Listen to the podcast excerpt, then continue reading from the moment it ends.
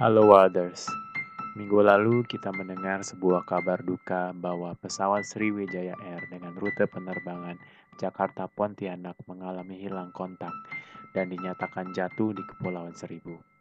Gue dari Luar Podcast turut berduka cita, berbela sungkawa atas kejadian tersebut. Semoga para korban ditempatkan di tempat terindah di sisinya, dan semoga keluarga yang ditinggalkan diberikan ketabahan dan kekuatan. Amin. Oke Wilders, ketemu lagi sama gue Vicky Fianda di lewat podcast Wilder Than a Tiger. Gue mau ngingetin lagi nih, supaya lo bisa dapat updatean soal podcast ini, lo bisa follow Instagram gue di @vickyfianda, V-I-C-K-Y-F-I-A-N-D-A. Sekali lagi, @vickyfianda, V-I-C-K-Y-F-I-A-N-D-A. Dan jangan lupa juga follow lewat podcast di Spotify.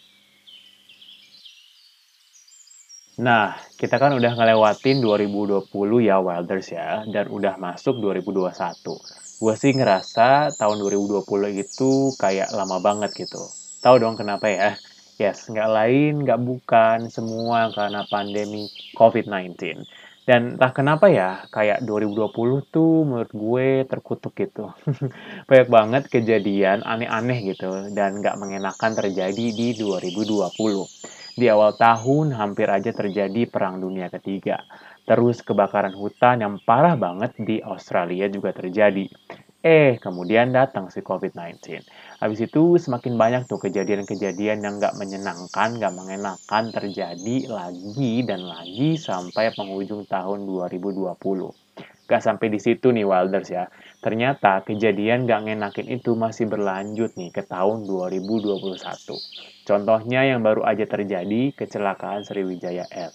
Hal-hal ini membuat berita-berita, news outlet gitu ya, baik media televisi, radio, online, maupun sosial media dipenuhi dengan berita-berita negatif. Terkadang kita tuh kayak berusaha untuk nggak nontonin, nggak ngegubris gitu ya, tapi kayaknya susah gitu ya. Karena kita ngerasa, ah siapa tahu penting nih, Eh, tapi ujung-ujungnya malah membawa dampak yang nggak baik buat kita sendiri. Kita jadi gampang stres, yang mana bisa mempengaruhi kesehatan kita, terus menurunkan imun, dan hal-hal jelek lainnya dia pokoknya. Padahal kan lagi pandemi gini tuh kita harus terus fit ya, both physically dan mentally. Supaya kuat terhadap serangan-serangan virus. Nah, gimana ya caranya supaya kita bisa menghadapi serangan berita-berita negatif yang berkeliaran di media? Menghadapi berita-berita negatif itu susah-susah gampang sih Wilders ya. Ada orang yang bisa sebodoh amat sama berita-berita yang seperti itu tuh, sama apa yang terjadi di sekitarnya. Ada juga yang kayak langsung anxious, langsung panik, mendengar sebuah kejadian buruk, kejadian jelek yang terjadi jauh dari tempat tinggalnya, dan yang terjadi di sekitarnya gitu ya. So, coping mechanism orang-orang tuh beda-beda nggak sih? Namun, gue akan memberikan 6 cara menghadapi berita-berita negatif yang udah gue rangkum dari beberapa sumber. Pertama, be mindful. Apa sih yang dimaksud dengan be mindful itu? Jadi ketika lo ngerasa anxious, resah, gelisah, panik, stres, depresi, atau uring-uringan karena berita-berita negatif yang lo dapetin dari media, hal pertama yang harus lo lakukan adalah stop dan diam. Lo acknowledge perasaan lo, lo notice apa yang lo rasa, rasain aja apa yang lo rasa, terus identifikasi apa sih yang sebenarnya lo rasa. Kalau lo udah bisa mengidentifikasikan apa yang lo rasa, terus cari tahu apa sih yang membuat lo kayak gitu, kenapa berita-berita jelek itu bisa mempengaruhi mood lo. Kalau udah ketemu nih jawabannya, lo yakinin diri lo, apa yang lo rasakan itu bukan lo. Apa yang lo rasakan itu bukan salah lo. Itu hanya defense mechanism dari diri lo yang berusaha untuk membuat lo nggak kenapa-napa. Lo nya sendiri baik-baik aja sih sebenarnya. Kemudian, buat diri lo present. Ada di present time gitu. Pikirin, um, pikiran lo tuh jangan ke mana-mana gitu. Lo rasakan hembusan nafas lo, kalau perlu lo breathe in dan breathe out beberapa kali. Rasakan white noise, noise yang mungkin aja terdengar dari sekitar lo. Rasakan lantai yang lo pijak, rasakan pakaian yang sedang menempel di badan lo. Kalau perlu nih, lo bisa meditasi, atau mungkin yang muslim bisa baca Al-Quran atau berzikir. Intinya, fokuskan kembali pikiran-pikiran lo ke present moment. Kemudian switch pikiran lo untuk memikirkan hal-hal yang memang layak lo pikirkan. Misalkan kerjaan lo, tugas-tugas lo, dan lain-lain. Kedua, unplug. Stay away from those news outlets yang keep updating you with bad news. Kalau lo dapat beritanya dari TV dan radio, matiin dulu yuk. Matiin tuh radio dan televisi kalau lo dapat beritanya dari platform berita di HP lo, jauhin dulu ya HP lo ya sementara. Kalau perlu, lo switch off dulu deh notif dari aplikasi berita yang ada di handphone lo. Kalau lo dapat berita tersebut dari sosial media kayak Twitter dan Instagram, gak usah buka sosmed dulu deh sementara waktu ya. Kalau lo dapatnya dari WhatsApp group, mungkin lo bisa mute grup itu untuk sementara waktu Nah, kalau lo selalu terupdate beritanya dari sosmed, dan dengan cuma stay away from sosmed for a while gitu ya, itu nggak cukup membantu, mungkin lo bisa nih, ekstrimnya kayak lakuin social media detox untuk jangka waktu tertentu. Oke, okay, kalau nggak bisa juga gini nih Wilders. Lo tetap terekspos berita-berita tersebut, tapi lo batasi Misalkan lo udah harus stop nonton atau baca berita satu jam sebelum tidur atau beberapa jam sebelum tidur. Supaya lo punya kualitas tidur yang baik dan nggak terganggu tuh dengan pikiran-pikiran negatif karena berita-berita tadi. Atau kalau lo mau ada aktivitas-aktivitas yang memerlukan lo untuk fokus dan berpikiran jernih, seperti presentasi di depan bos atau klien, Nah, lo jauhin dulu deh news outlet-news outlet itu beberapa jam sebelumnya. Ketiga, ketika lo sudah semakin susah untuk membendung perasaan negatif yang ditimbulkan oleh berita-berita buruk itu, lo bisa lo cari seseorang yang lo percaya untuk teman ngobrol. Beberapa orang merasa bahwa dengan berbagi perasaannya dengan orang lain akan mengobati perasaan jeleknya dengan adanya yang dengan ada yang mendengarkan keluh kesah kita itu akan meringankan beban.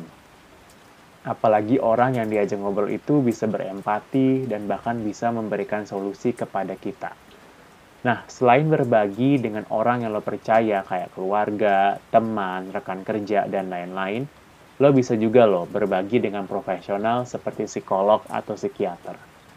Walaupun beberapa psikolog itu membuat kita merogoh kocek dalam-dalam untuk membayar fee-nya, tapi mereka bisa sangat membantu.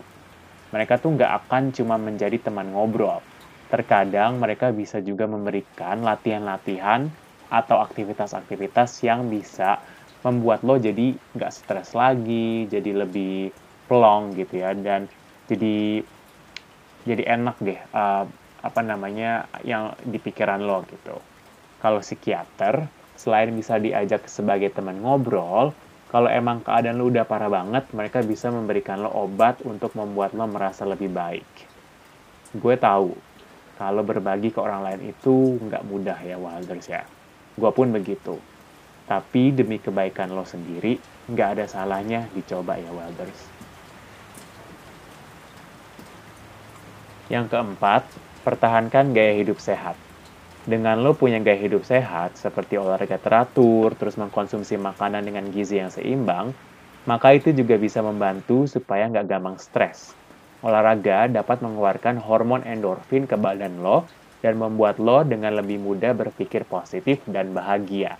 Olahraga juga bisa mengurangi stres dan membantu mengatur mood lo jadi lebih baik dan nggak gampang cranky.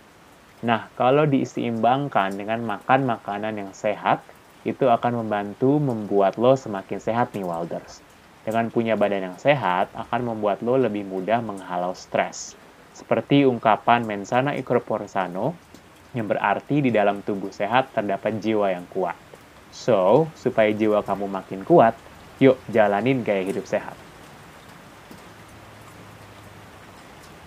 Kelima, lakukan hal-hal yang lo suka. Ketika lo lagi terpapar sama berita-berita jelek, stop it. Stay away from it dan lakukan hal-hal yang lo suka. Kalau lo suka berkebun, ambil alat-alatnya dan pergilah ke kebun. Kalau lo suka memasak nih, pergi ke dapur dan mulailah membuat kreasi menu-menu baru.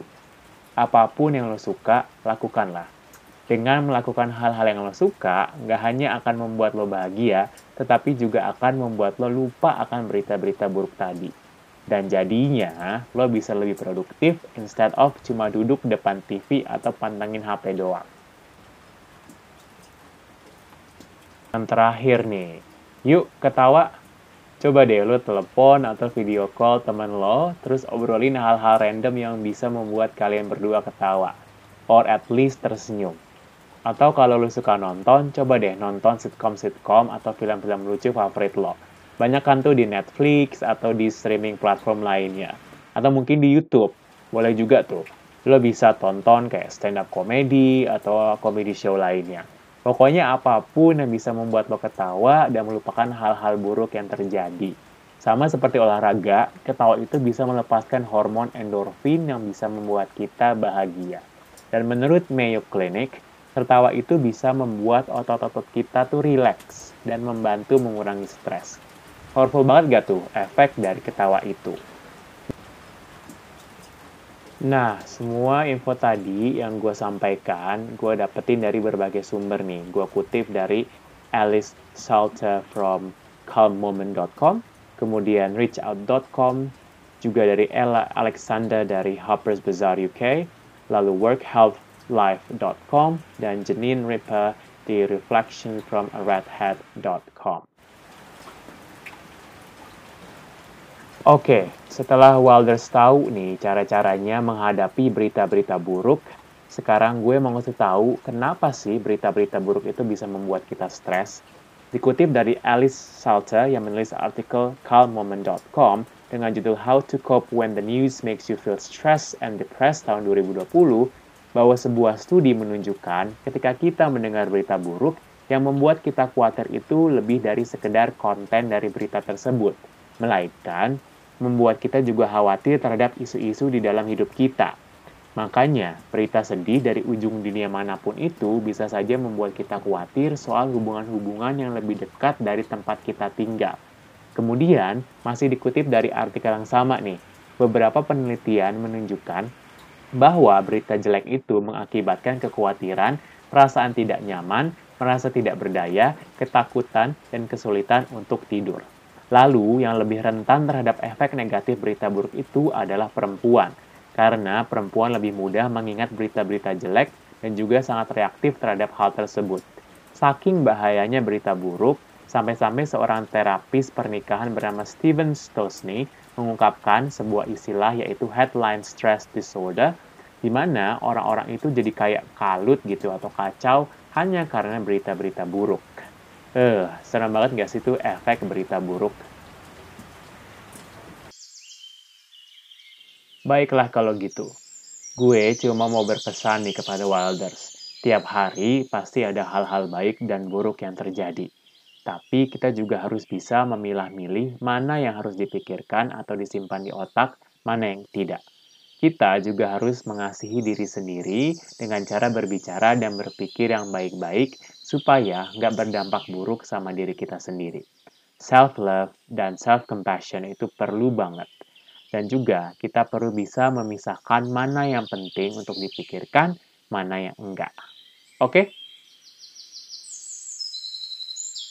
Nah, sekian dulu lewat podcast episode kali ini.